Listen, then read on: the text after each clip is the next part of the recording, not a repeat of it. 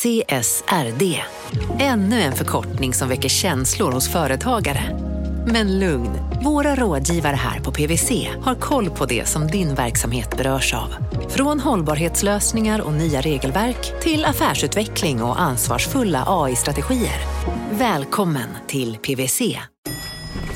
Nej. Dåliga vibrationer är att gå utan byxor till jobbet. Bra vibrationer är när du inser att mobilen är i bröstfickan.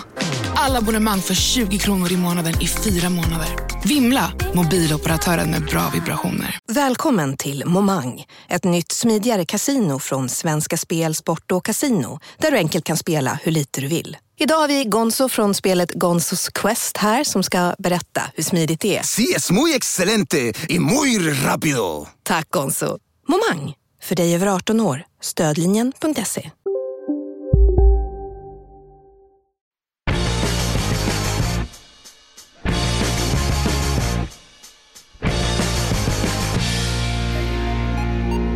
Glad sommar får man väl säga nu när vi går in i juni, även om det på marknaderna pratas snarare om en kryptovinter. Eh, och det är delvis det som dagens avsnitt av De kallar oss krypto ska handla om. Eh, och oavsett väder, det här säger jag, vi, vi golfare brukar ju säga så här Gunnar, att det finns inget dåligt väder, det finns bara dåliga kläder. Ja. Och vi spelar dessutom in inomhus, Ja. så svårt att skylla på, på det. Ja. Men oavsett väder så sitter vi ju här och eh, vi, det är jag, Mårten Andersson, komiker, entreprenör och kryptoentusiast. Eh, och vid min sida då ekonomijournalisten, känd från bland annat lysande podden Kapitalet, Gunnar Harrius. Hej. Hur har din vecka varit? Eh, jo, den har varit bra. Jag fick en läxa från förra veckan. Mhm. Eh, minns du det? Att du gav mig en läxa? Att Mm. ta reda på vad fan det är som händer med China-minersen. Ja, Och eh, jag har gjort den läxan så gott det har gått, eh, Mhm. det ska sägas. Shoutout om det är någon som känner någon som miner i Kina. Väldigt intresserad av en, av en intervju efter, efter den här veckan kan jag säga. Ja, för, det som, för er som eh, inte minns eh, eller kanske missade förra veckans avsnitt så handlade det ju då om att, eh, var det 22 procent Ja. Ja, som eh, man helt plötsligt hade upptäckt då som hade kommit upp på radarn igen. Och så har vi pratat i den här podden om att Kina har ju bannat all typ av eh, mining, eh, som ju framförallt var då i Kinas fall i kol, eh, kolbaserad Ja men exakt, mining. alltså, så att man förbjöd mining eh, i Kina. Då sjönk miningaktiviteten till 0% av bitcoins nätverk där, vilket man ju, var ju väntat då såklart. Ja, This is a lot of the equipment that all came from China. This used to be a factory, as you can see. Wow, look at that. Yeah. It- this is very cyberpunk dystopian that's what I saw the Blade. Runner thing. Yeah, yeah. Yeah. I och med att det var förbjudet. Och nu i den senaste mätningen så var det tillbaka på 22%. Ja, någon rapport eh, rapporterade om det här och så var det en analys, du hade en analys av det här och nu ska vi få en analys av analys av analysen och Ja, den kommer här då. Det är så mycket analys finns det inte, för det är bara typ så, alla skriver samma sak, att det troligtvis är covert mining activities. Vad översätter man covert med? Hemliga, typ. Dolda. Okej, så de har egentligen inte stängt ner? Nej, det är väl det som alla verkar tro. Det är lite av ett mys- mysterium ska jag säga. De verkar ha sjukt bra sådana proxy-servrar. Men, eller, eller så här, det jag inte fattar är så här. Alla säger typ så här, de har proxy-servrar för att undvika att bli upptäckta av kinesiska myndigheter. Alltså då myndigheter som, det är som servrar som säger då att de är någon annanstans när de egentligen är i Kina. Men det jag inte lyckats förstå, det här kommer, jag kommer inte ge mig på det här, läxan Nej. fortsätter. Det är ju då hur då den här Cambridge-rapporten kan veta att de är i Kina, om inte då kinesiska myndigheter vet att de är i Kina. Obegripligt för mig. Det är väldigt bra eh, cred till Cambridge University Ja, får man eller, säga. vad sitter de på för jävla avkodare och liksom bara så här, nej nej nej, den här, det här är en proxy-server, det här är i Kina. Eh, ja, intressant. Men okej, så eh, det vi i alla fall kan komma fram till att siffrorna verkar stämma. Ja, alltså, eh, liksom Bloomberg och liksom Financial Times rapporterar om det här, så jag får väl gissa att de har gjort... Jag har också varit deep Reddit och försökt hitta, hitta någon som så här, jo, jag minar i Kina. Finns ingenting. Ja, jag vet inte, halvgjord läxa får vi säga hittills, men eh, jag återkommer om jag hittar något mer. Hur har din vecka varit? Min vecka har bestått väldigt mycket av att eh, den här tiden på året så sitter jag eh, och gör de sista bokningarna inför hösten eh, av Raw då, som är mitt huvudjobb egentligen. Eh, så då, eh, och jaga komiker är ju ibland eh, svårare än att jaga terrorledare. Är det så, vad heter han? Carlos Schakalen? Ja, men försök få tag på Jonathan Unge, lycka till. till exempel. Så jag har ju då suttit nu och bokat massa fantastiska komiker till våra julshower Stockholm, Göteborg och Malmö och även då klubbarna eh, i Stockholm och Göteborg. Så biljetterna är släppta nu om man är eh, sugen på skojigheter. Så det är det jag har gjort. Jag har läst lite om Terra eh, 2.0 såklart. Ja, vi ska prata lite om, om Terra 2.0 i, efter, i nyheterna tänkte jag. Men, men en grej, vi pratade lite om Pulse Chain förra veckan också ju. Eh, Den här nya, eh, alltså eh, Hex-grundaren Richard Hart, han har startat en ny kedja som heter Pulse. Som du var lite skeptisk till och eh, jag vet inte om du var där. Nej, jag men var det var inte där, men jag har sett eh, efterhandsinspelningen. Erik Wall och Richard Hart träffades ju då i en debatt eh, s- på Fotografiska. Ja, Nej. om det var, det var eh, mellan Stockholm och Nacka. Ja, Mm. om man är intresserad av exakt var det här var någonstans. Det finns garanterat om man söker eh, på, på det här också, om Ja. man vill se hela diskussionen. Men vad tog, du, du har ju såklart gjort en hemläxa på det här. Nej, jag vet inte. Det var ju lite tramsig debatt på många sätt. Den var, den var lite så stökig. Eh, det var väldigt dåligt modererad. Det var ju inte någon av Richard Hart och Erik Walls fel. Men jag tycker nog Erik Wall kom ut lite som en vinnare ändå, för det var ganska många saker som jag tyckte att eh, Erik Wall ställde väldigt raka frågor till Richard Hart och Richard Hart svarade ganska konsekvent på något annat än det som Erik frågade om. This is the thing. We had a 100% perfect flawless operation for years. We get treated like shit. No, Everyone you- else got hacked for hundreds have- of millions. didn't- Where shit run perfect, we you- get treated like shit. you it's didn't like have- we're, you we're, didn't we're a have- different fucking planet. How do we disagree Richard, Richard, facts? Richard, you didn't have 100% uptime. Where, how do we go down when? You had a smart contract on a platform that had 100% uptime. Now you're creating your own platform. The, the uptime of that, I can bet you, is going to be disastrous. I bet that Pulse Chain is going to have a disastrously worse uptime than Ethereum has in the next year after it launches. You want to make a bet on that? Do you want to make a bet on that? No, it's too hard to measure. Vilket jag tycker tyder på liksom, kanske man inte har alla svar riktigt eh, alltid. Eh, men eh, väl värd att se tycker jag den här debatten. Man, söker man bara på de här två namnen på YouTube så dyker det upp. Cool. Men, men ska vi ta lite nyheter då? Det, det, du sagt att du har läst på lite om Luna 2.0. Kan ju rapportera om dina findings. Ja. Hur löser man en kryptokatastrof? Ja, frågar man Luna-grundaren Duquon så är svaret med mer krypto. Efter Lunas totala haveri för ett par veckor sedan så har den nya blockkedjan Terra 2.0 lanserats. Ägare av den gamla Luna-coinen kommer att få Luna 2.0 coins airdroppade till sig. Den nya Terra-kedjan ska vara en renodlad DeFi-kedja, alltså Decentralized Finance, och inte ha någon algoritmisk stablecoin som UST var. Redan nu har Terra 2.0 dock stött på hård kritik efter att coinen tappade 70% av sitt värde första dagen och många kallade den på nyttfödda valutan för ytterligare en scam.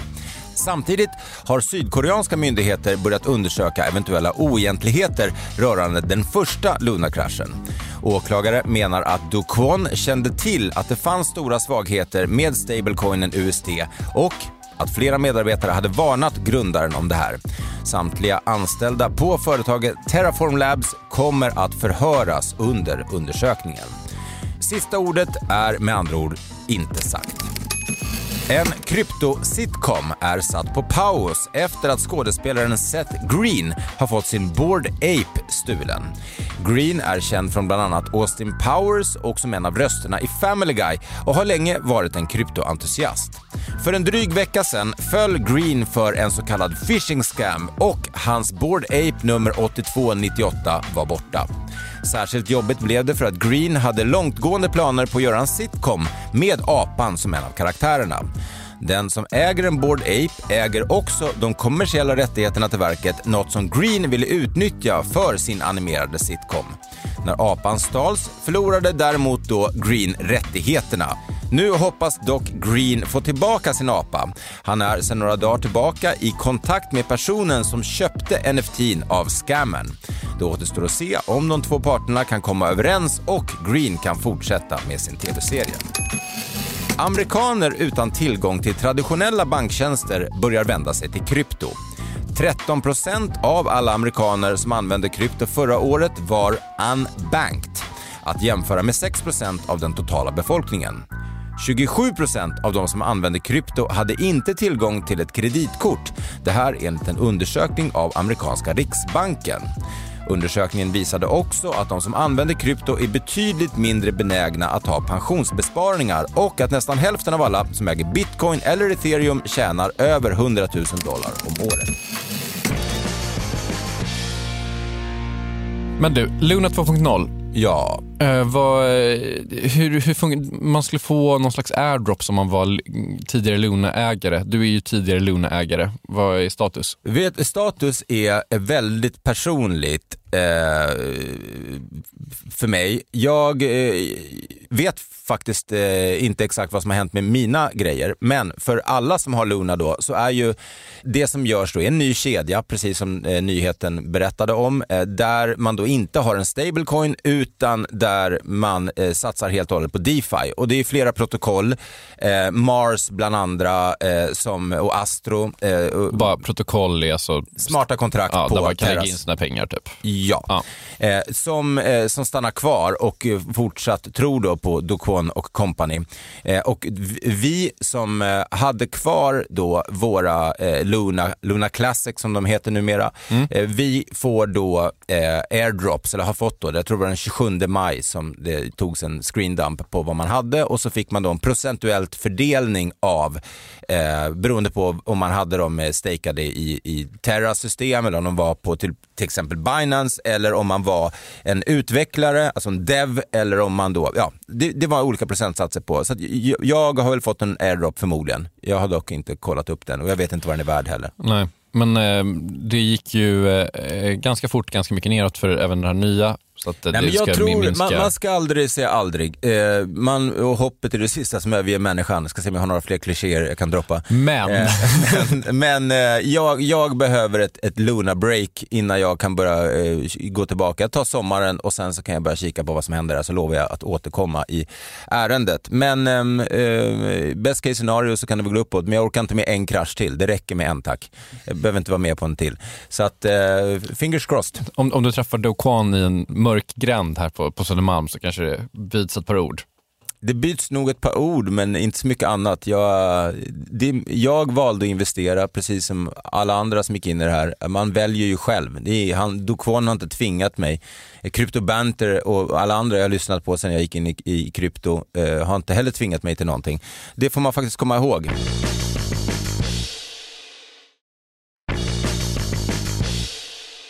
Men du, ska vi inte säga något om eventet vi jobbar med, Nordic Crypto Summit? Eh, en retorisk fråga, så jag fortsätter prata. Ja. Och för vi har ju fått en del frågor om det här, så vi kanske, jag tänker vi ska reda ut ett par saker. Ja, alltså vi har varit inne på det här i podden. Det här är ju en värld som är eh, tveeggad kan man säga. Dels Ja. finns det ju väldigt mycket spännande grejer som händer. Mycket spännande visioner och Mycket grejer. fascinerande idéer ändå. Ja, exakt. Och många saker som kanske inte är lika fascinerande. Ja.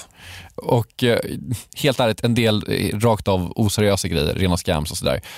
Typ för mig personligen, jag tycker att det är det som gör den här världen spännande. Att man inte vet allting, allting är lite nytt. Men det är ju också förvirrande, det ska man ju inte sticka under stol med. Inte bara för dig och mig, utan också för eh, typ företag och myndigheter. Precis, för om krypto och eh, om man hellre vill webb 3 får det genomslag som många tror så kommer det få väldigt stora konsekvenser för näringslivet och offentlig sektor. Exakt, och det är liksom de här sakerna vi vill prata om i vårt event då, som heter Nordic Crypto Summit. Det är då ett event som i huvudsak är riktat mot företag. Eh, så att vill man lära sig mer om hur betalningssystem kan påverkas eh, av krypto eller eh, digitala centralbankspengar eller hur blockkedjeteknik kan användas i industrin eller i frakt eller jag vet inte, bara typ så här, Ja, hur, det kan vara till allt från, liksom, kolla på möjligheterna kring NFTs, bara Ja. det är ju helt enormt.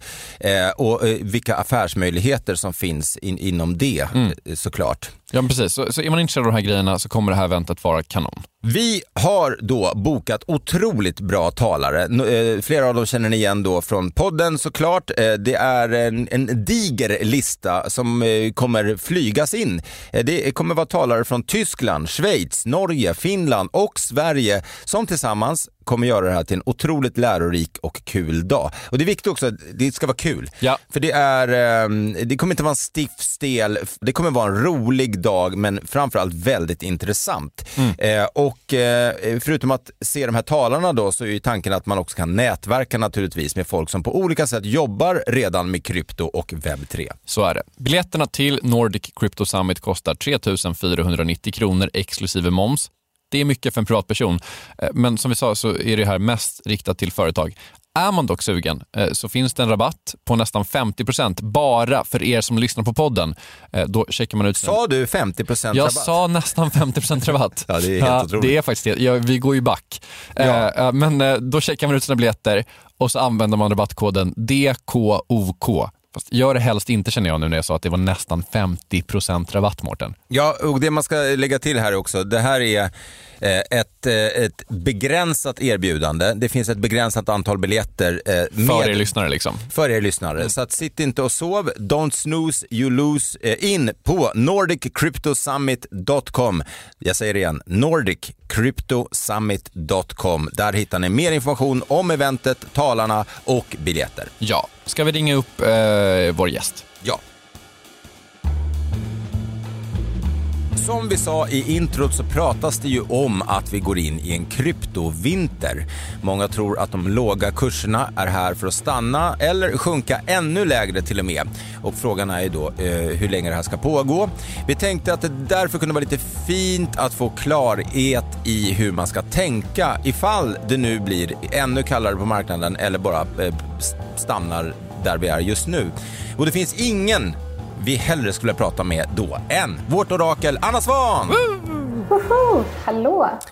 Hur mår du i kryptovintern? Eh, nej men jag mår bra eh, faktiskt, måste jag ändå säga. Jag, eh, jag sa ju det redan när vi snackade i december att jag trodde att eh, 2022 är ett år för att ackumulera krypto. Eh, jag trodde inte alls att vi skulle se ett nytt all time high i, eh, i år och det tror jag fortfarande inte. Så jag tror att eh, jag ligger liksom och köper som planen och eh, jag vet, jag vill bara säga Mårten, jag vet att det är super, super enkelt att eh, man, man liksom låter sin eh, sitt humör följa med i priserna. Och det spelar ingen roll liksom om det är Luna eller något annat. För det är, så att det är klart att man är skitglad när bitcoin står i liksom nästan 70 000 dollar eller när eter liksom klättrar upp liksom nära all time high. Då mår man jävligt bra och sen så när det faller tillbaka då undrar man om man kanske inte var ett geni trots allt. Mm. Men, eh, men det finns ju faktiskt en hel del data på det här och jag vet också att eh, vi ska snacka lite om korrelation under olika typer av eh, marknadssentiment. Är verkligen krypto en hedge mot inflation och så vidare. Men så jag tänker lite att, att ni får egentligen ställa de frågor som ni vill så ska jag svara så gott jag kan på det. Ja, du, jag sa det även till, till Gunnar här när vi pratade snabbt innan vi skulle ringa upp det också att eh, det här, du sa ju faktiskt det här i december att det här skulle, skulle hända. Ja.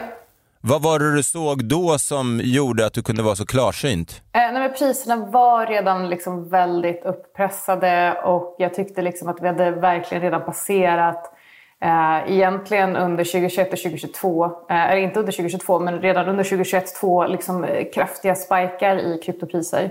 Eh, och historiskt har vi faktiskt inte sett fler än, än två på det sättet som vi gjorde då. Och då tänkte jag att ja, men det känns liksom orimligt, framförallt nu om inflationen stiger och vi kommer se, till, se liksom fler åtstramningar eh, penningpolitiskt så tror jag att ja, men då kommer alla tillgångar falla tillsammans. Inte bara krypto och eh, börsen då, utan allting tillsammans. För att det är nämligen så här att även tillgångar som inte har någon korrelation med varandra i vanliga fall. När vi ser totala sell-offs så tenderar de att korrelera med varandra. För när man befinner sig i en total sell-off, liksom, i en liksom, total risk-off-mentalitet, då säljer man allt. Det är inte bara aktier. Det är inte så att man säljer aktier för att köpa guld samma dag. Det är inte så det funkar. Och även om guld ska också fungera som hedge mot aktier under 2008 när, eh, när aktiemarknaden föll så föll guldet också tillsammans med aktier 30% innan det steg. Det var bara så att det vände upp mycket snabbare och jag tror att det är det man ska titta på. Det finns ingen daglig hedge om du inte ligger kort marknaden, men det vill man ju inte göra heller. Så det man tittar på egentligen är, ehm, är egentligen hur priser rör sig relativt varandra under längre perioder. Men eh, ja, det är superintressant som alltid när du är med. Eh, Men det, det, en, först, en fråga, en följdfråga här är ju lite grann att eh, även om jag har blivit rejält skadeskjuten eh, den senaste tiden eh, och verkligen inte känner mig som ett geni, långt, långt, väldigt långt därifrån faktiskt. Så det jag någonstans ändå tänker är ju eh, att man säljer på grönt och man köper på rött hur mycket det än, jag menar, och det är väl egentligen det du säger också, att när du pratar om att ackumulera, att det här går enligt din plan, du köper mer nu. Jag skulle inte personligen lägga eh, just nu ett öre till på krypto, eh, eh, fast det är rött.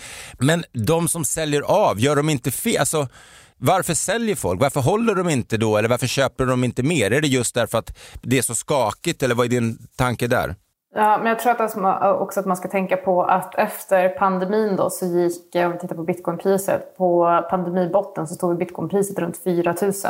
Och sen så drog det upp till nästan 70 000 dollar inom loppet av liksom lite mer än ett år. Det är väldigt mycket vinsthemtagningar och sen så är det många som har skapat sin livsstil som, som de tycker är väldigt bekväm. Och sen så har man väldigt stort förtroende för att priserna ska fortsätta stiga och sen så helt plötsligt när det inte går spikrakt upp längre och framför allt inte efter att priset gick från över 60 000 dollar ner 50 procent och sen upp igen då är det många som känner att ah, nej men vänta lite nu, vi kanske går in i en recession, det ser väldigt skakigt ut, nu är det inga mer stimulanser på marknaderna. och det är mycket det också som faktiskt har skapat det här trycket på priserna på uppsidan. Och då säljer någon av och så faller priset lite och sen så liksom, jag menar vi är flockdjur. Så det här blir den här flockmentaliteten. Så bara säljer man och säljer och säljer och sen så hamnar man till, till slut i ett läge då det är så rött att man faktiskt inte vill sälja längre. Det är precis som man säger att um, det här uttrycket man ska, man ska köpa när det rinner blod på gatorna. Och, lite, och jag tycker faktiskt inte att det gör det än. Jag tror tyvärr att, eh, att det är som så att priserna kan gå lite lägre på krypto. Eh, det betyder inte att jag inte redan ligger och köper. För att eh, precis som jag sa, jag använder hela året till att ligga och ackumulera lite varje månad. För det är så himla svårt att träffa bottnar och, eh, och toppar. Det är helt omöjligt. Man ska egentligen inte försöka göra det. Det är också därför som man ska sprida ut sina köp och eh, absolut aldrig gå all in en enda tillgång hur säker man än tycker att den är. För det finns inte en enda tillgång som är säker och framför allt inte när det är hög volatilitet. Alltså risk är ju priset vi betalar för avkastning. Och, ehm, och, risk betyder ju också risk på nedsidan. Och jag tror att det har många blivit påminda om nu. Det är väldigt lätt under, ehm, under tider som efter mars 2020 att säga att men jag älskar att ta hög risk. För då såg vi bara liksom uppsidan av det. För att vi såg ehm, liksom miljarder dollar som bara trycktes in i det finansiella systemet. Och det är klart att alla tycker att det är kul att ta hög risk då för att då får man hög avkastning. Men det kommer tillbaka på nedsidan sen.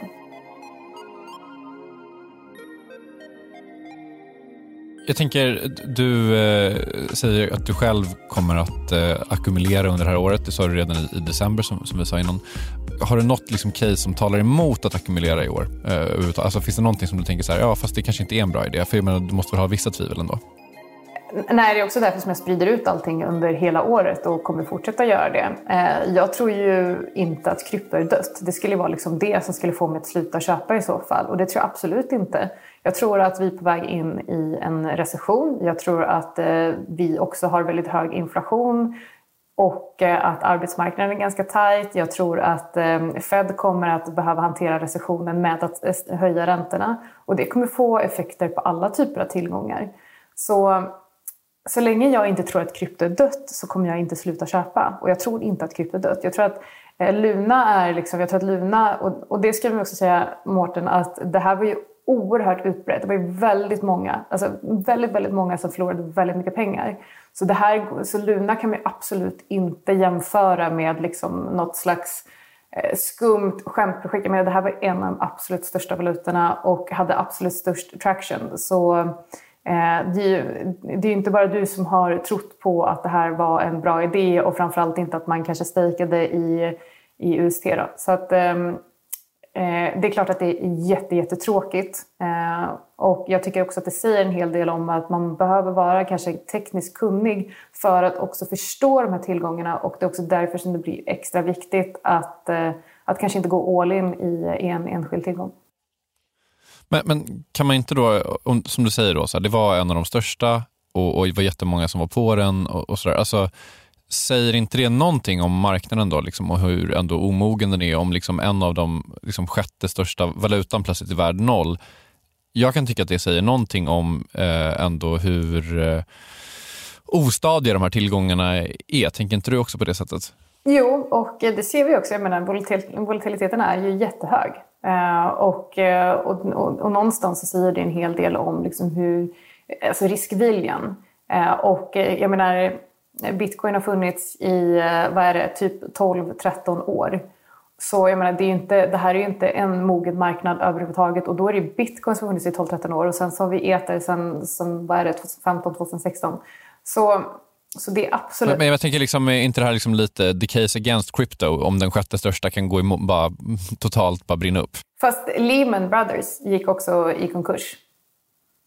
Och det är inte som så att eh, banksystemet eh, har fullständigt fallerat och försvunnit sedan dess.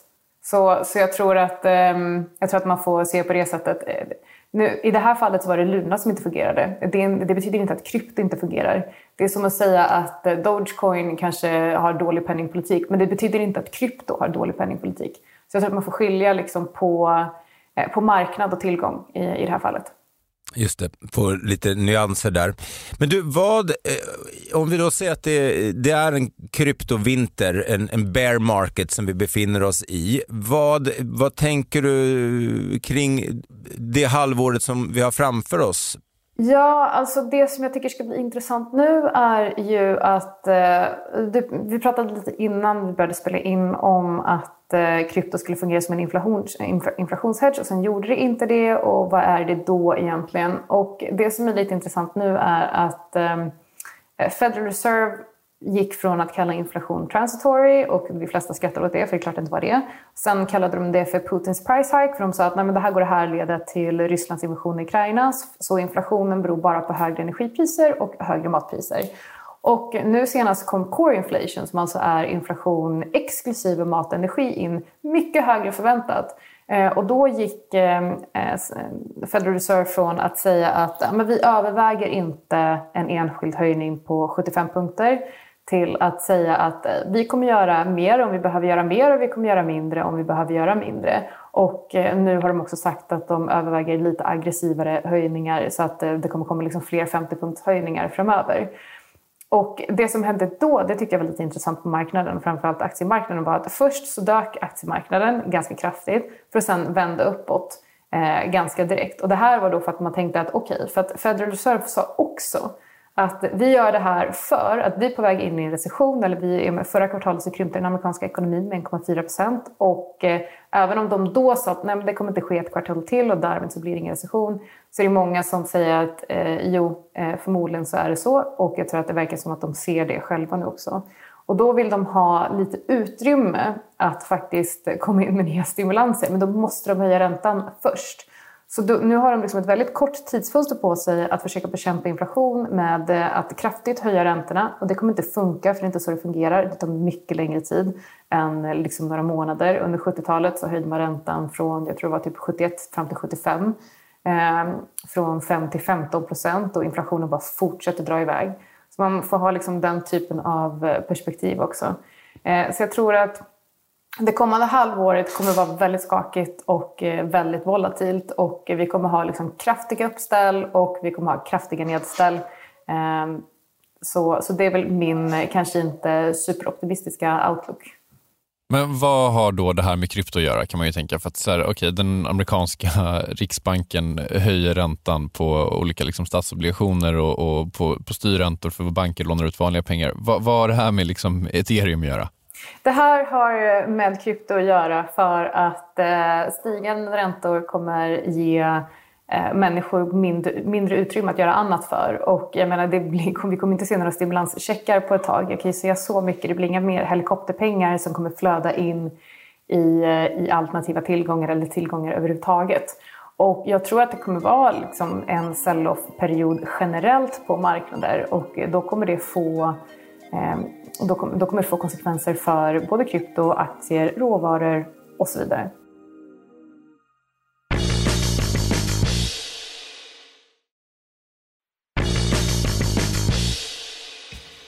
Kryptoskolan lektion 43. Vad är Cardano? Kryptovalutor delas ofta in i generationer. I första generationens krypto hittar vi bland annat bitcoin. I andra generationen finns ethereum och olika stablecoins. Men det finns också kryptovalutor byggda på tredje generationens blockkedja och en av dem är Cardano. Cardano lanserades år 2017 av en av medgrundarna till ethereum, Charles Hoskinson för att försöka lösa olika problem som uppstått på de tidigare blockkedjorna som att antalet transaktioner är begränsat och att varje transaktion kostar mycket pengar. Precis som de flesta nya kryptovalutor använder Cardano en proof of stake-baserad algoritm och man trycker mycket på att man är en miljövänlig kryptovaluta. Majoriteten av alla blockkedjor har ju någon slags experter som granskar ändringar i koden men Cardano gör detta genom ett slags peer review-system vilket får dem att sticka ut. Man har också en vision om att bli vad man kallar blockkedjornas internet. Cardano ska alltså vara en blockkedja som kan förstå alla andra blockkedjor för att kunna växla krypto utan mellanhänder. Dessutom vill man kunna jobba tillsammans med vanliga banker och därför har man infört ett system där varje användare, om de vill, kan välja att göra metadatan från sina transaktioner öppen så att då bankerna kan se vem som skickat vad till vem. Hur allt det här faktiskt kommer fungera i praktiken återstår att se. Än så länge är Cardano relativt oprövad. Kritiker hävdar att det är en Ghost Chain utan några som helst användbara dappar medan de som försvarar kedjan menar att det bara är en tidsfråga innan Cardano tar över ethereums plats som den näst största kryptovalutan. Men det här med inflationshedge då. Ehm, du sa lite så, ja, är det det, är det inte det? Vad, vad, liksom, när kan du känna dig ehm, trygg i att, att liksom säga huruvida det är en inflationshedge eller inte? Alltså jag kan väl säga så här att hur många procent är, jag har faktiskt eh, en chart framför mig, hur många procent är bitcoin upp sedan 2011 tror du?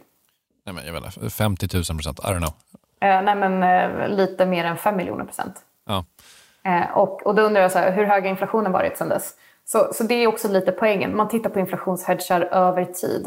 Eh, när man pratar om guld som en inflationshedge så finns det en ganska bra liknelse som säger att för 3000 år sedan så fick du liksom en ganska schysst tåga för ett guldmynt. Eh, idag kostar en ganska schysst kostym ett guldmynt och i framtiden då så kanske vi får en ganska schysst eh, rymddräkt för ett guldmynt.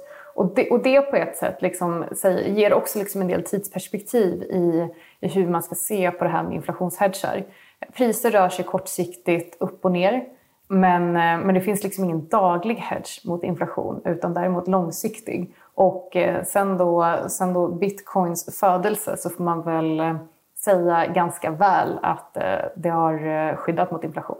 Om vi pratar om kryptovinter och vi nämner eh, vi säger, och, och, Luna till exempel då som hände och, och eh, kanske en förtroendekris eh, lite grann för krypto som helhet. Eh, utan att lägga orden i din mun, men hur har, har din, dina tankar kring krypto förändrats någonting sen den senaste tidens turbulens? Nej, men jag tror att det, det, här går väl lite att likna vid eh, 2017-2018 när eh, alla genier köpte altcoins och det gick jättebra, tills det inte gjorde det. Så jag tror att det det kommer göra nu är att man kommer dra, dra sig tillbaka lite till, eh, till att hålla liksom bitcoin och eter. Och att, att de kommer vara liksom lite, vad ska man säga, eh, en trygg famn i bukten säger man inte. ja, men lite så. Uh, så jag tror att förtroendet för relativt nya projekt kommer att ta lite skada och så kommer man gå tillbaka till det som man vet har funkat under en eh, längre tid. Då. Mm. Jag lyssnade på en podd som eh, Decrypt, eh, en av våra favoritsajter, eh, vars chefredaktör förut ska vara, vara gäst här om ett par veckor igen Mårten, ser vi fram emot. Mm. En podd som de gjorde som handlade om då också lite här med kryptovintern och de pratade väldigt mycket om att så här, ja, men de är ofta ganska positiva ska sägas, men, men att på ett sätt så kanske det är lite bra för att då kanske de här eh, nya projekten, de, de får inte den hypen som eh, eh, de har fått de senaste året och att man faktiskt kan liksom sålla lite agnar från vetet och att teamsen bakom de här nya coinsen och nya projekten och så där kanske faktiskt får lite tid på sig att leverera en bra produkt snarare än att bara leverera en produkt. eller vad man ska säga. Tänker du också så lite Anna? Absolut, eh, så tror jag verkligen att det är. Eh, och eh, jag menar, vi såg ju lite samma sak när, eh, när Elon Musk köpte Doge och helt plötsligt så skapades det liksom massor med meme coins. I keep telling you, it's a cryptocurrency you can trade for conventional money. Oh, so it's a hustle. Yeah, it's a hustle. Och då skulle alla liksom vara först in för att hitta det nästa Doge. Och det är, lite, det är lite så det har blivit fast på, i en mycket större skala. Då. Man har försökt skapa det nya ether, eh, det nya ethereum och eh, det nya bitcoin. Och sen så vill man då få traction till det och då vill alla, alla vill så himla gärna vara först på det här som man sen tror ska gå så bra. Eh, som, som både bitcoin och ether har gjort då, historiskt. Du var inne på liksom att det här året, ett år för ackumulation för dig. Finns det liksom tecken som, som du letar efter som är så här, okej okay, nu kommer det här liksom året inom citationstecken var slut? Det kan ju bli längre än ett år. Eh, ja, absolut. Nej, men jag tror att eh, det viktiga här egentligen, det är väl lite tråkigt att säga det, men jag tror att man ska titta väldigt mycket på, på vad Federal Reserve gör. Eh, så länge vi har liksom kraftiga åtstramningar, kraftiga åtstramningar vet jag inte om jag vill kalla liksom en liten räntehöjning när vi har eh, över 8% inflation i USA. Men, eh, men relativt kraftiga åtstramningar jämfört med vad vi haft de senaste 12 åren. Då. Så mm, jag tror att när vi ser, när vi ser en vändning där och, eh, och de kanske sänker räntan, eh, då kan det faktiskt finnas en, en del köplägen. Men jag tror att det är en väldigt viktig signal.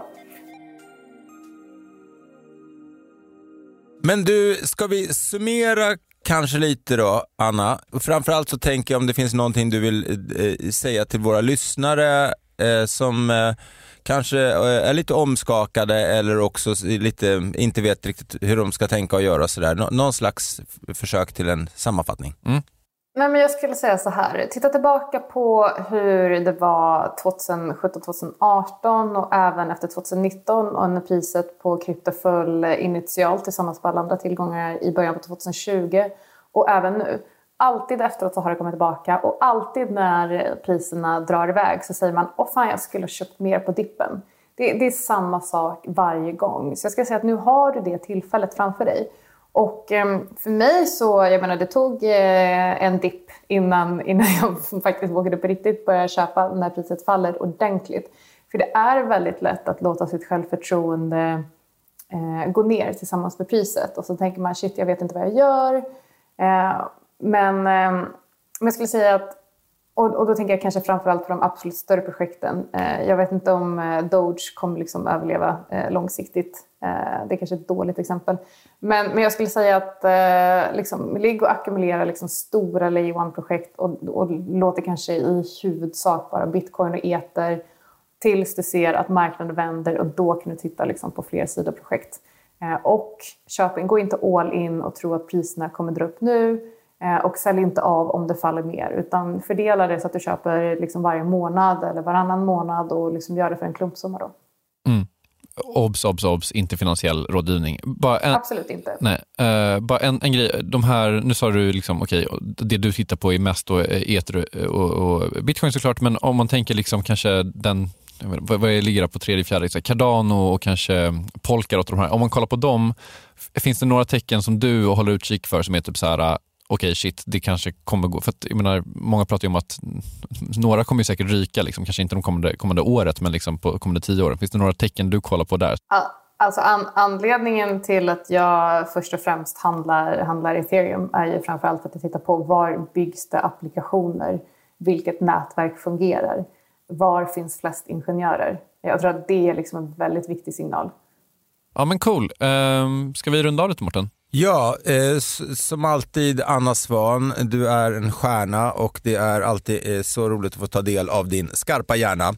Eh, vad gör du av sommaren? Eh, jag åker till Kroatien och firar min 30-årsdag om två veckor och sen åker jag till Mykonos eh, och sen så ska vi eh, renovera huset så vi får väl eh, hitta på fler saker också.